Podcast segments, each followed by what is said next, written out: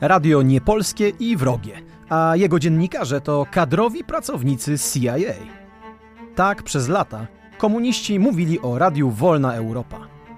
Tymczasem jego twórcy, którymi byli polscy działacze emigracyjni, widzieli w nim ratunek dla rodaków w kraju poddanych komunistycznej indoktrynacji. W momentach kryzysów politycznych wolnej Europy słuchało nawet 80% Polaków. To najlepiej pokazuje, jak ważną rolę radio to odegrało w czasach komunistycznej dyktatury. Dlaczego komuniści tak zaciekle je zwalczali? Kim byli ludzie, którzy je stworzyli?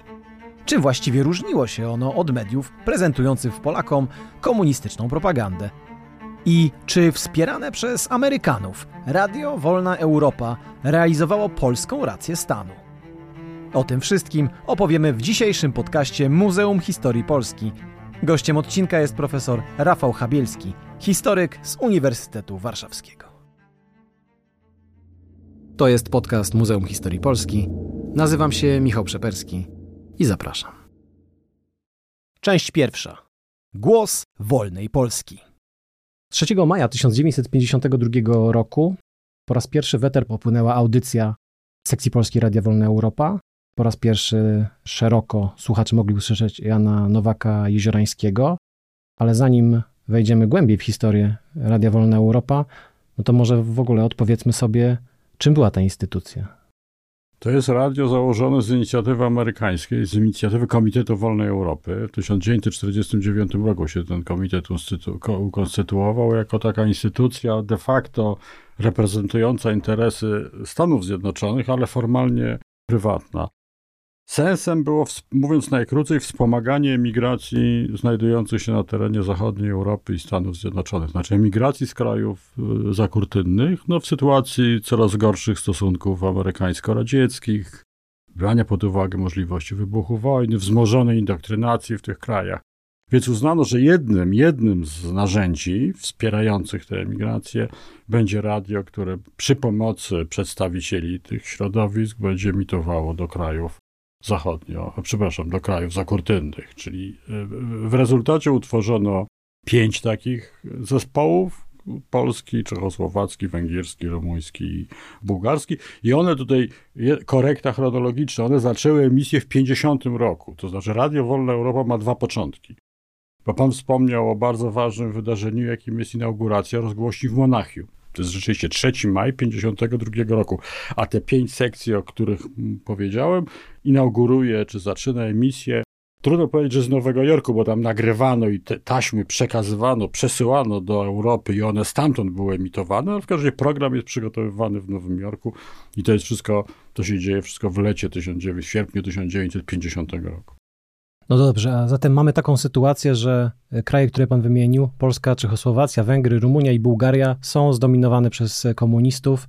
E, wszędzie tam rządzą partie komunistyczne. Są to kraje, które albo są totalitarne, albo dążą ku totalitaryzmowi. Nie ma tam wolności. Ale dlaczego radio?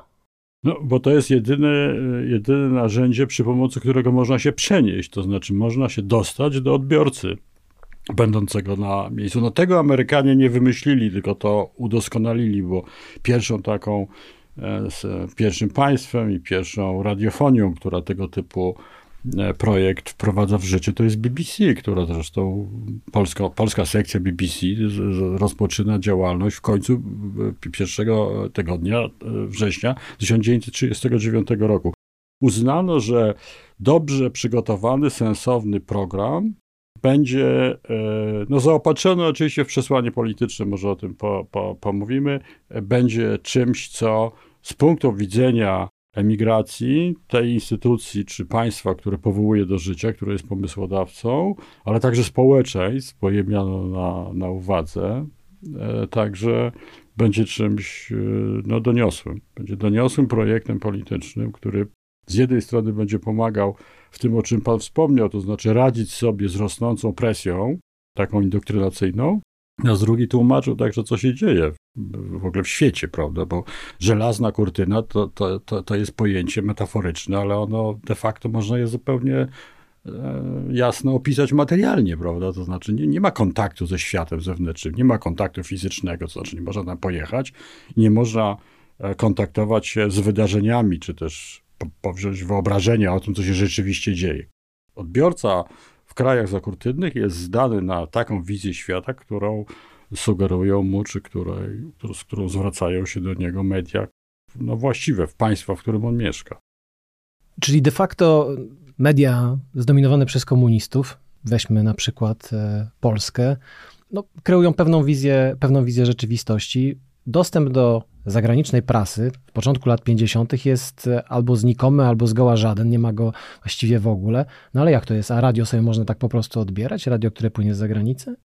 No, jedną z miar to Jan Nowak-Jeziorański, dyrektor monachijski, a potem od 55 roku dyrektor połączonych tych dwóch redakcji, nowojorskiej i monachijskiej. To, o czym pan wspomniał, to wymienia jako jeden z podstawowych mierników znaczenia radia to znaczy zagłuszanie. No, radio można było odbierać. Ono zaczyna emisję, mówię o tej, o, o, o emisji redakcji czy biura monachijskiego w pustkę, to znaczy no nie, nie ma żadnej przygotowawczej a kampanii zwracającej się do potencjalnych odbiorców, że za jakiś czas zaczniemy emisję. Ta emisja zaczyna się w południe 3 maja 1952 roku i kto szczęśliwie wtedy no wtedy były takie radioodbiorniki, że gałką się kręciło i szukało się różnych rozgłośni. Trafił na tę rozgłośnię, to ją e, zapamiętał, utożsamiał się z nią po jakimś czasie, bądź nie.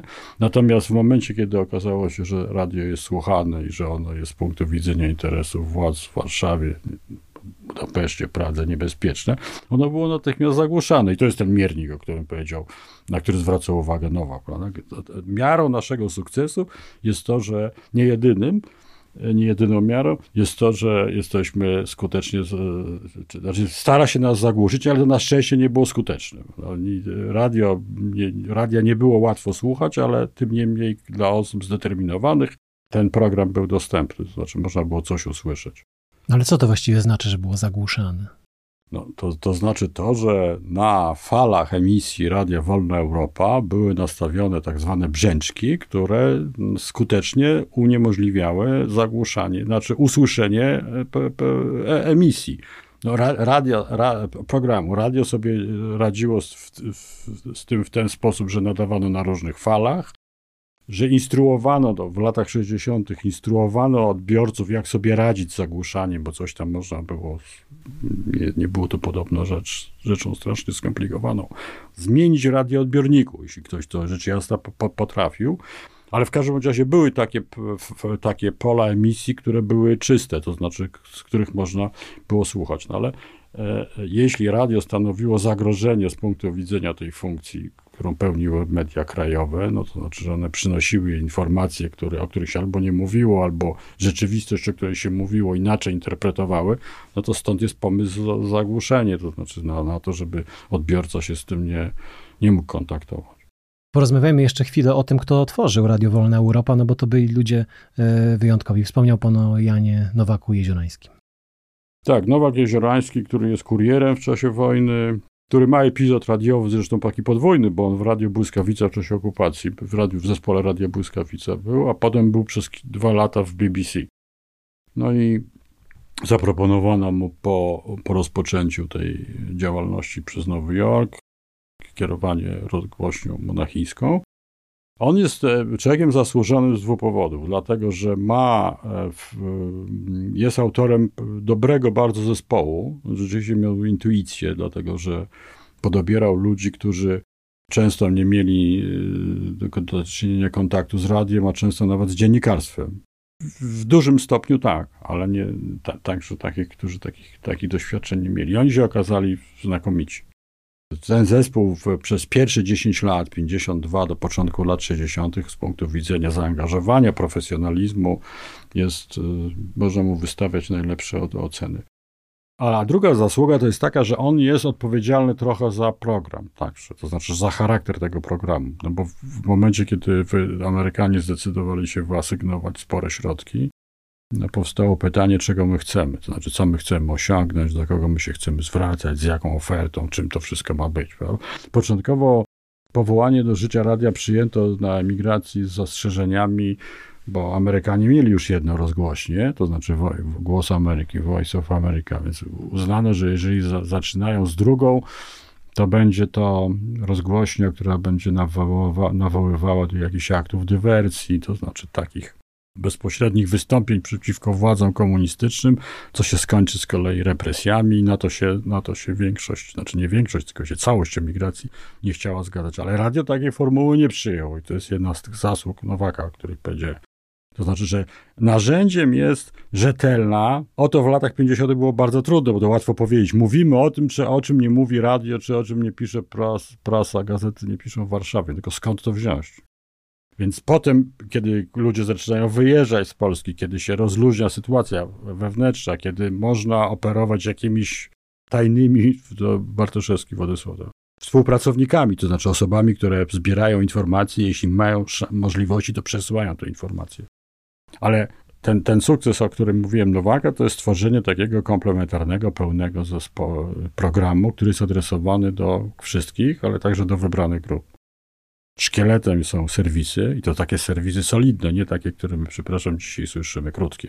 Tylko 10-minutowy serwis e, odnoszący się do najważniejszych, rzeczywiście najważniejszych, atrakcyjnych czy nieatrakcyjnych, ale istotnych z punktu widzenia słuchacza informacji, programy publicystyczne, komentujące, no a poza tym właściwie no każdy, każda grupa zawodowa, audycje o związku dla, dla, dla, dla robotników i dla rolników, dla inteligencji i dla naukowców, audycje religijne, audycje dla młodzieży i dla kobiet, audycje dla odbiorcy wysoko kwalifikowanego i audycje, audycje popularne, audycje muzyczne i sportowe.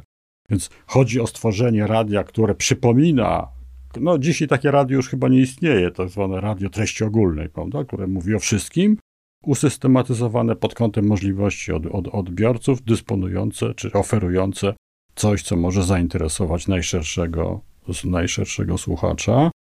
Wyważone politycznie, to znaczy nie angażujące tego, czy nie nakłaniające tego zgodnie z tymi dyrektywami, o których wspomniałem, tego słuchacza do jakichś gwałtownych wystąpień przeciwko władzy, dające mu w zasadzie informację traktowaną jako broń, czy jako takie oręże, no na jedno wychodzi, z którym on sobie, przy pomocy którego on sobie może radzić w sytuacji, w której, w której się znajduje, prawda? Znaczy chodzi o to, żeby on się nie dał okiełznać tej wszechogarniającej indoktrynacji, żeby zachował tożsamość, żeby był osobą, jeśli, znaczy, żeby on był jakoś niezależny w tej, w tej, w tej fatalnej na siebie sytuacji. No cały czas mówię o początkach, czy o latach 52, 3, 4, 5, prawda? To się zmienia na korzyść odbiorcy w roku 1956, no ale te media to pan wie najlepiej o tym, ulegają zmianie znaczącej, no ale nie takiej przecież, że one o, o, w stosunku do, do tego, co było przed październikiem, no ale nie takiej zmianie, że one zaczynają oferować wszystko to, na co liczy odbiorca.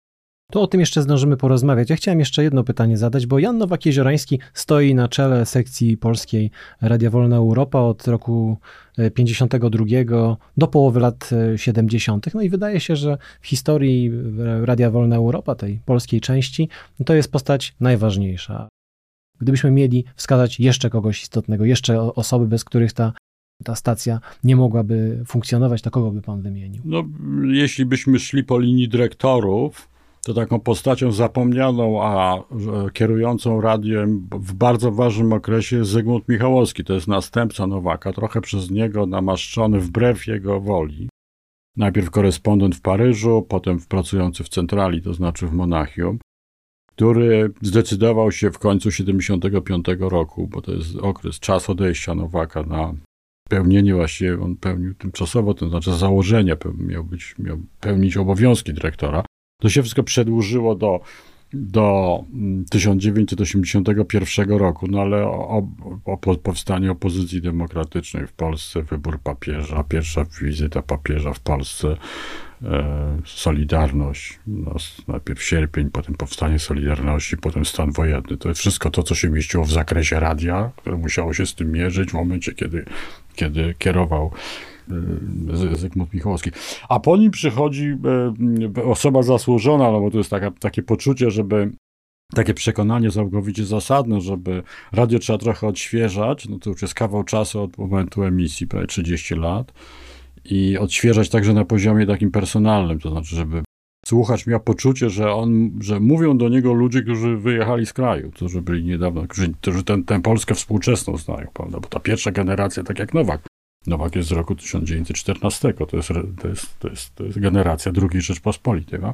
Więc tą osobą jest Zdzisław Najder, zaangażowany w działalność po, po opozycji demokratycznej, twórca Polskiego Porozumienia Niepodległościowego, no, który ma, e, wie doskonale, co się w, w kraju dzieje, zna specyfikę, ma także, jest szczególnie uwrażliwiony na to, żeby na tyle, na ile można ten zespół odświeżać właśnie, to znaczy wprowadzać coraz więcej osób, które przy okazji tego, co się w Polsce dzieje w 1981 roku, znalazły się poza krajem i nie chciały nie chciały wracać, więc, więc jeśli bym mógł wymieniać tutaj osoby, no idąc takim, no nie wiem, czy najlepszym kryterium się kierując, to znaczy kierowniczym, to poza, poza, poza Nowakiem, osobą trudną niesłychanie we współżyciu, konfliktową, o tak takim stylu przywództwa kwestionowanym, żeby nie powiedzieć bardzo krytykowanym przez wielu, to ta zasługa jest zupełnie niewątpliwa. Michałowski i Najder kierują radiem, czy starają się sprostać zadaniom, które stawia rzeczywistość przed radiem w bardzo trudnym okresie czasu.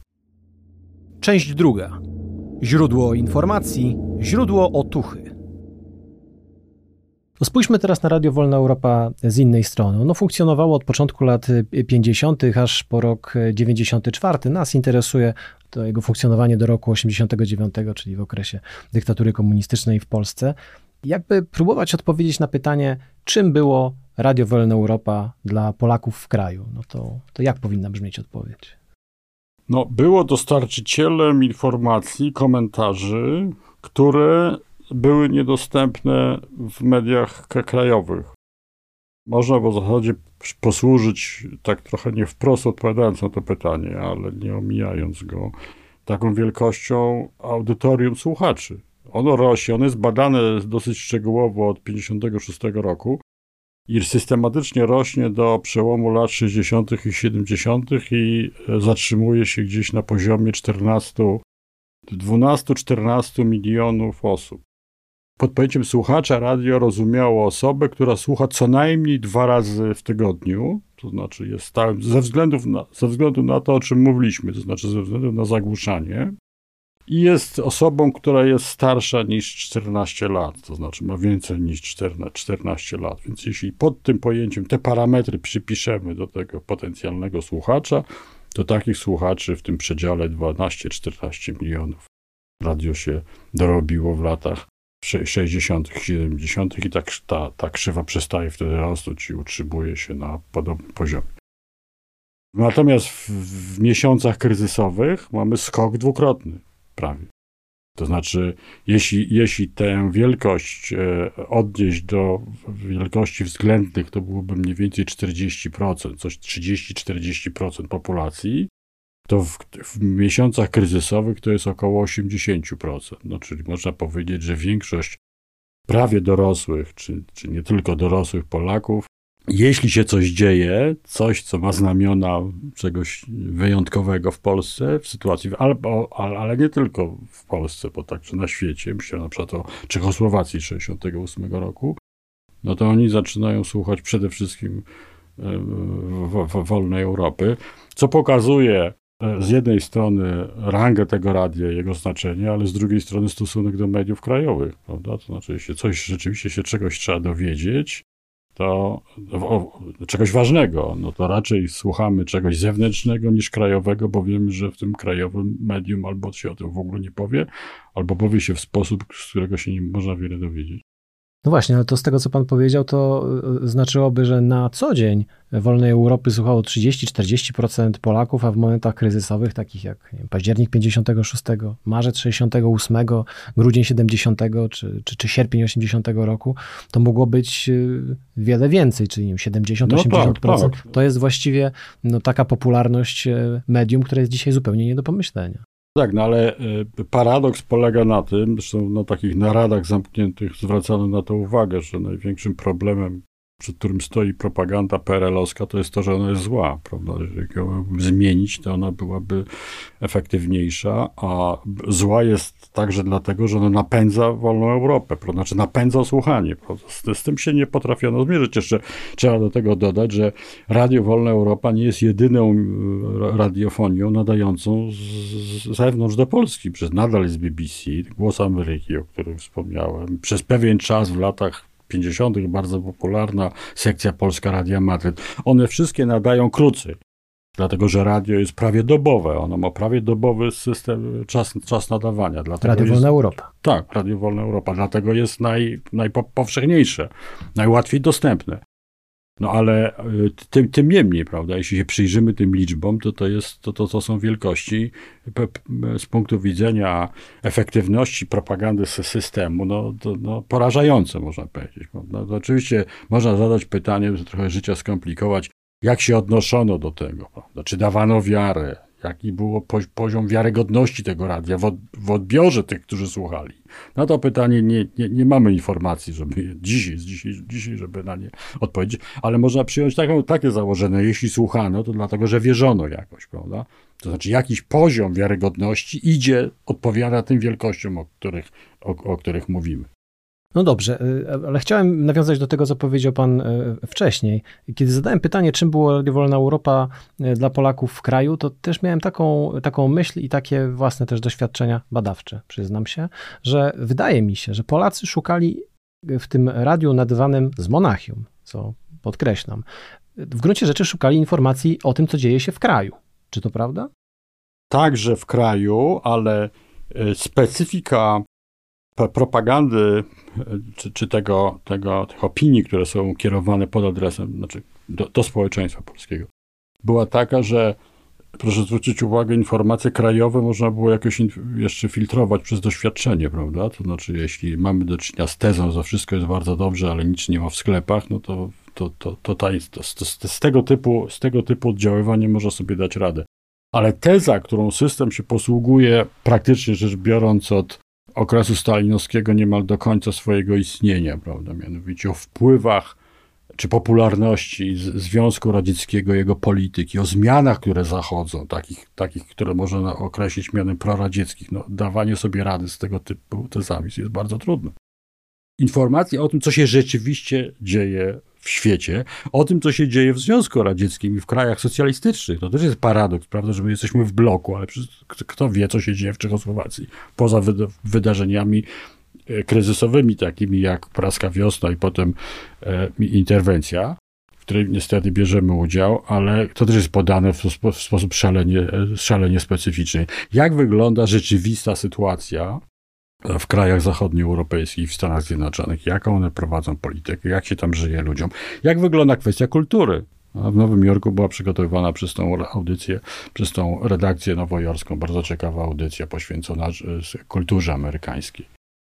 Monachium przygotowało taką audycję poświęconą kulturze europejskiej, to znaczy nie, nie tylko aspektom takim, o którym z powodów politycznych nie można było powiedzieć w kraju. No, ale, więc, więc to, jest, to, to jest szalenie istotne. I y, rzecz, o której chciałem powiedzieć, odpowiadając albo, albo nie na Pana pytanie, to są mianowicie audycje o charakterze literackim i historycznym, do których Nowak, to jest, to jest jedna też zasług Nowaka, to znaczy takie przekonanie o tym, że radio ma obowiązek no, zupełnie naturalny pokazać potencjał e, intelektualny, czy kulturalny, czy literacki emigracji, ale także próbować dostać się, czy też trochę walczyć z zniekształceniami, albo nie trochę, walczyć z zniekształceniami historii, zwłaszcza współczesnej, albo przemilczeniami historii współczesnej w, w kraju. I jak się przejrzy z wykazy audycji, no, korzystano z, z, z, takiego, z takiej instytucji, jakim byli świadkowie historii, generalicja, część establishmentu politycznego II Rzeczypospolitej. Przecież są wszyscy w Londynie masę audycji na ten temat. Nowak był zresztą sam takim historycznym, historycznym człowiekiem. Brał udział w tym wszystkim, brał udział w powstaniu. Ileż tam audycji było poświęconych e, zasadności albo niezasadności decyzji Polski w 1939 roku, powstania warszawskiego. To e, swo, swobodna dyskusja na ten temat, operowanie faktami, to tak zwane stosunki polsko-sowieckie, cokolwiek to znaczy. Myślę przede wszystkim o, o 17 września, o pakcie Ribbentrop-Mołotow. Przecież to są wszystko rzeczy, które się nie mieszczą w tutejszej opowieści o, o, o przeszłości. No? Więc to, to oddziaływanie e, radio było narzędziem politycznym i ono miało głównie na, na oddziaływać na, na, przekonania polityczne, no ale przy okazji mogło także, miało także instrumentarium ludzi i wartości, przy pomocy których można było wpływać szerzej, to znaczy na tożsamość taką kulturalną, hi, historyczną. Także. My mówimy o historii Radia Wolna Europa w taki sposób mocno ogólny, ale to są właściwie e, zupełnie inne epoki, lata 50., lata 60., 70. i 80. I kiedy myślę sobie o tym, że Radio Wolna Europa położyło niemałe zasługi dlatego, żeby spopularyzować autorów, którzy pozostawali na emigracji, nie wiem, Czesław Miłosz choćby e, były taką osobą, nie wiem, Gustaw Herling-Grudziński i, i wielu, e, wielu innych, których można by wymienić, to w latach 70., a zwłaszcza w latach 80., ich dzieła, to już z powodu drugiego obiegu wydawniczego w, w Polsce stały się dostępne i wtedy w jakimś sensie to, co można było usłyszeć w Radiu Wolna Europa, można było też nielegalnie przeczytać w kraju i to jest nowa sytuacja, inna niż w latach tak, 50. to zgoda, ale cały czas dbano o to, żeby nowości książkowe, migracyjne, a migracyjne, mówię migracyjne, to znaczy nie tylko autorów polskich, ale te, które się ukazywały w wydawnictwach emigracyjnych, one były dostępne. Znaczy, oczywiście, że jak zaczęły się przedruki, no między innymi książki Nowaka, żeby nie szukać daleko, prawda, w drugim obiegu, to znaczy Kuriera z Warszawy. Była taka audycja, która właściwie pod różnymi tytułami, ona znana jest najbardziej pod, pod tytułem e, na czerwonym indeksie. To było czytanie książek, to było jeszcze ten, no, to się zdarza jeszcze, no, do niedawno zdarzało w mediach e, publicznych w Polsce, w drugim programie powieści Józefa Mackiewicza czytane niedawno, więc to nie jest coś całkowicie przebrzmiałego, anachronicznego.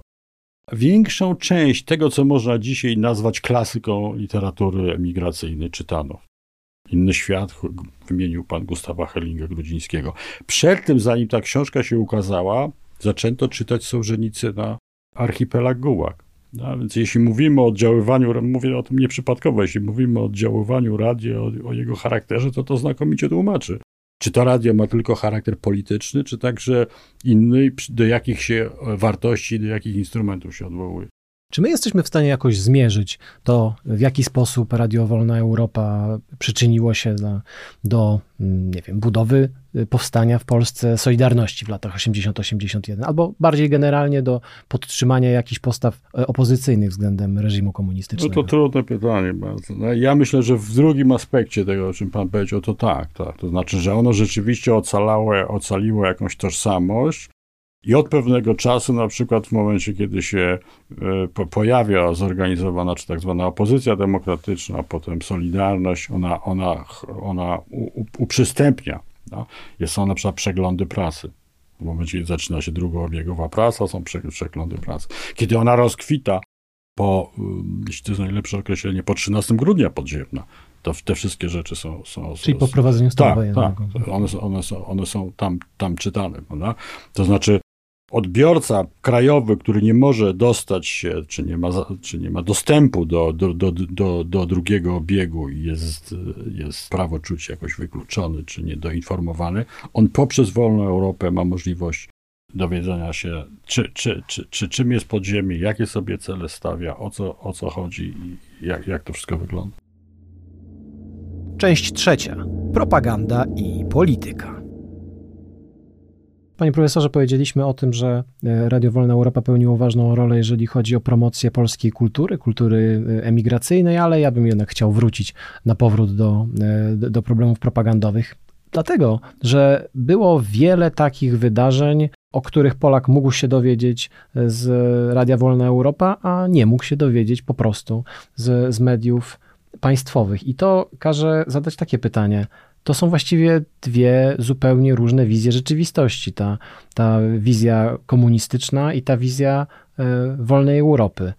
Dobrze mówię? Odpowiadając na pańskie pytanie, można przywołać postać e, Józefa Światły, właściwie rewelacji Józefa Światły, pułkownika Ministerstwa Bezpieczeństwa Publicznego, który w grudniu 1953 roku decyduje się przejść w Berlinie na stronę amerykańską. I od, we wrześniu 1954 roku rozpoczyna cykl audycji, które określane są potocznie mianem rewelacji czy pogadanek Józefa Światły, w których opowiada tajną, to znaczy nie ukrytą dla przeciętnego odbiorcy, ale myślę, że nawet dla części osób z aparatu, historię Polski Ludowej od 1944 roku. Mówiąc o ważnych wydarzeniach i mniej ważnych, o życiu elity, o relacjach, o stosunkach takich interpersonalnych w obrębie tej elity, o, o, o zbrodniczym charakterze te, te, tego systemu.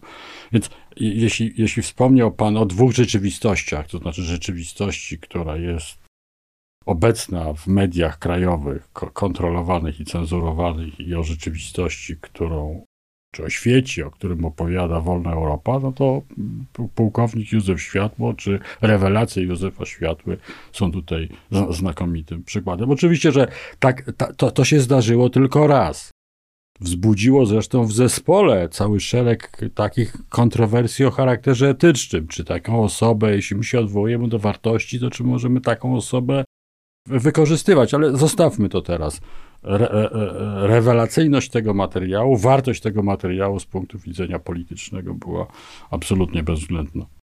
Ale były też takie sytuacje, jak no, odwołajmy się do października 78 roku. Karol Wojtyła e, zostaje papieżem Janem Pawłem II. I oczywiście informacje na ten temat w ogóle pojawiają się w mediach polskich, bo jest to, bo jest to wydarzenie zbyt wielkiej miary, aby, ją, aby to wydarzenie zupełnie przemilczeć. Tym niemniej stara się propaganda komunistyczna jakoś to mimo wszystko umniejszyć. Informacje na ten temat pojawiają się w Trybunie Ludu, ale gdzieś na dalszych stronach, czy e, jeżeli już na pierwszej stronie, to gdzieś na, w taki sposób, żeby, żeby tej sytuacji e, umniejszyć. A Wolna Europa pokazuje to w inny sposób.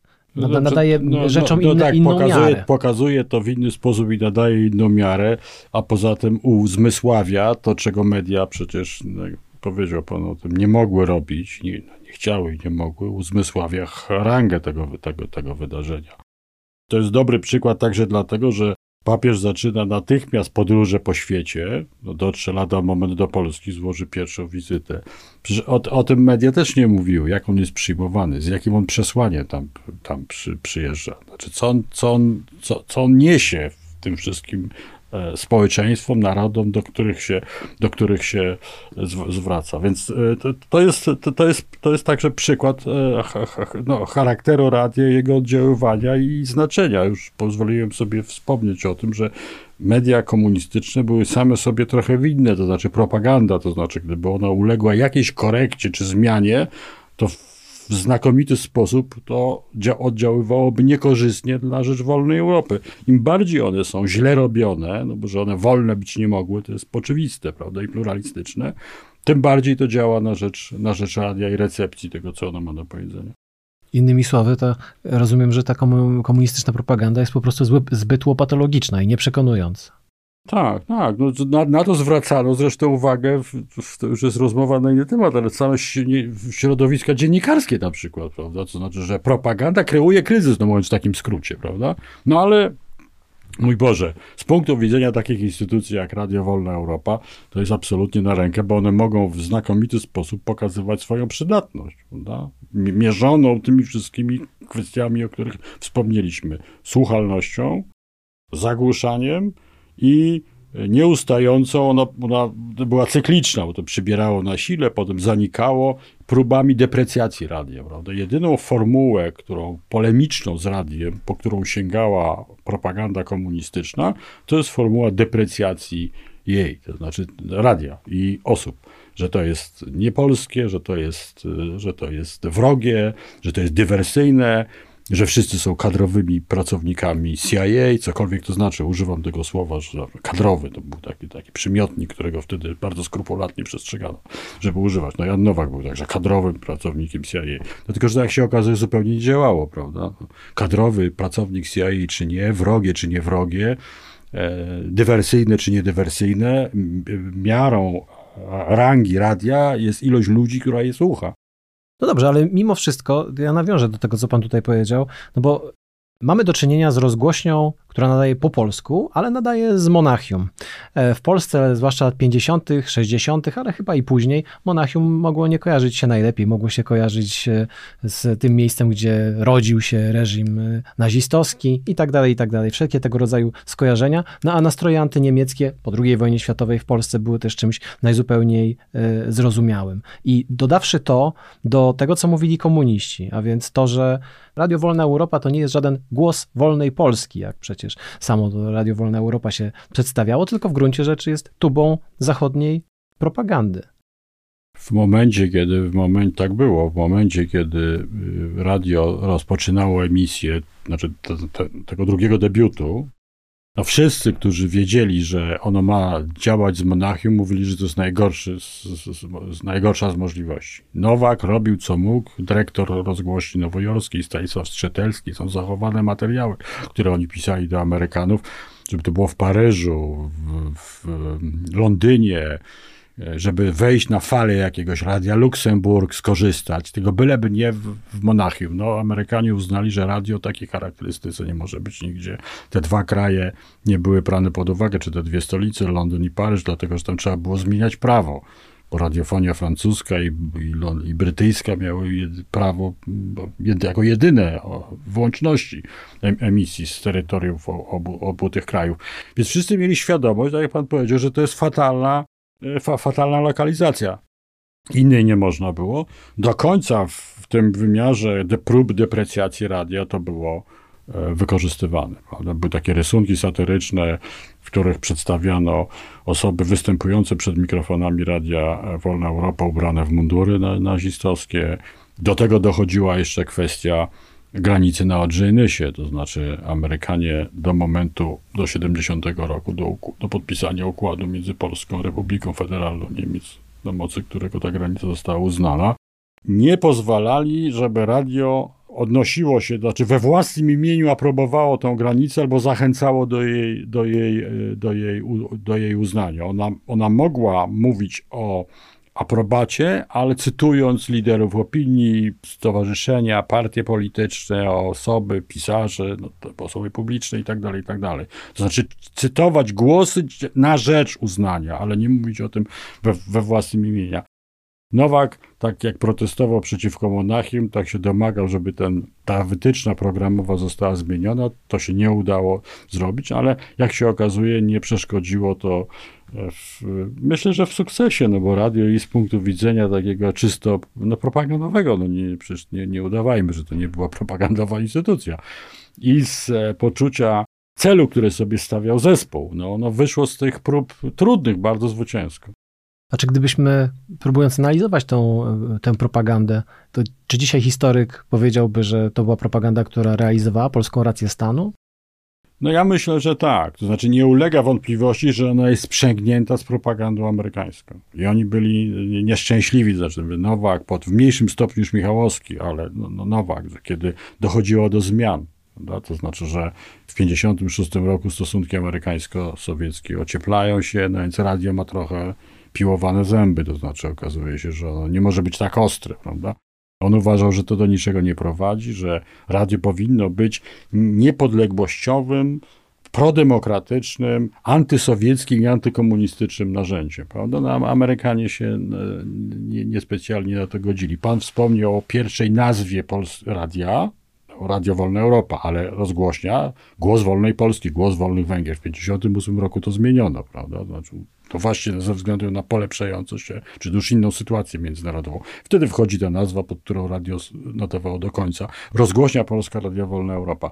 Więc zależność od Amerykanów, którzy wpływali na, pro, na program poprze, poprzez tak zwane te wytyczne, to guidance policy, prawda, co znaczy, żeby, żeby wyjaś, trochę wyjaśniać, to znaczy, żeby, żeby, żeby ujednolicać stosunek do pewnych wydarzeń, ale trochę, żeby ten, ten zespół, ten zespół tem, temperować. One oczywiście były. Nie można powiedzieć przy, przy wszystkich zasługach prowolnościowych i prodemokratycznych, że to jest radio całkowicie wolne, ale biorąc pod uwagę wszystkie te ograniczenia, spektrum informacji, które ono przekazywało, jest nie w tym wymiarze nieporównywalne zupełnie ze spektrum informacji i komentarzy, które niesie, e, które niosą ze sobą media e, krajowe. I o tym dzisiaj rozmawiałem z panem profesorem Rafałem Chabielskim. Bardzo dziękuję za rozmowę, panie Dziękuję profesorze. bardzo. Podcastów Muzeum Historii Polski wysłuchasz na YouTube, Spotify, Google Podcast, w Audiotece, a także na innych platformach podcastowych. Chcesz być na bieżąco? Subskrybuj kanał Muzeum Historii Polski.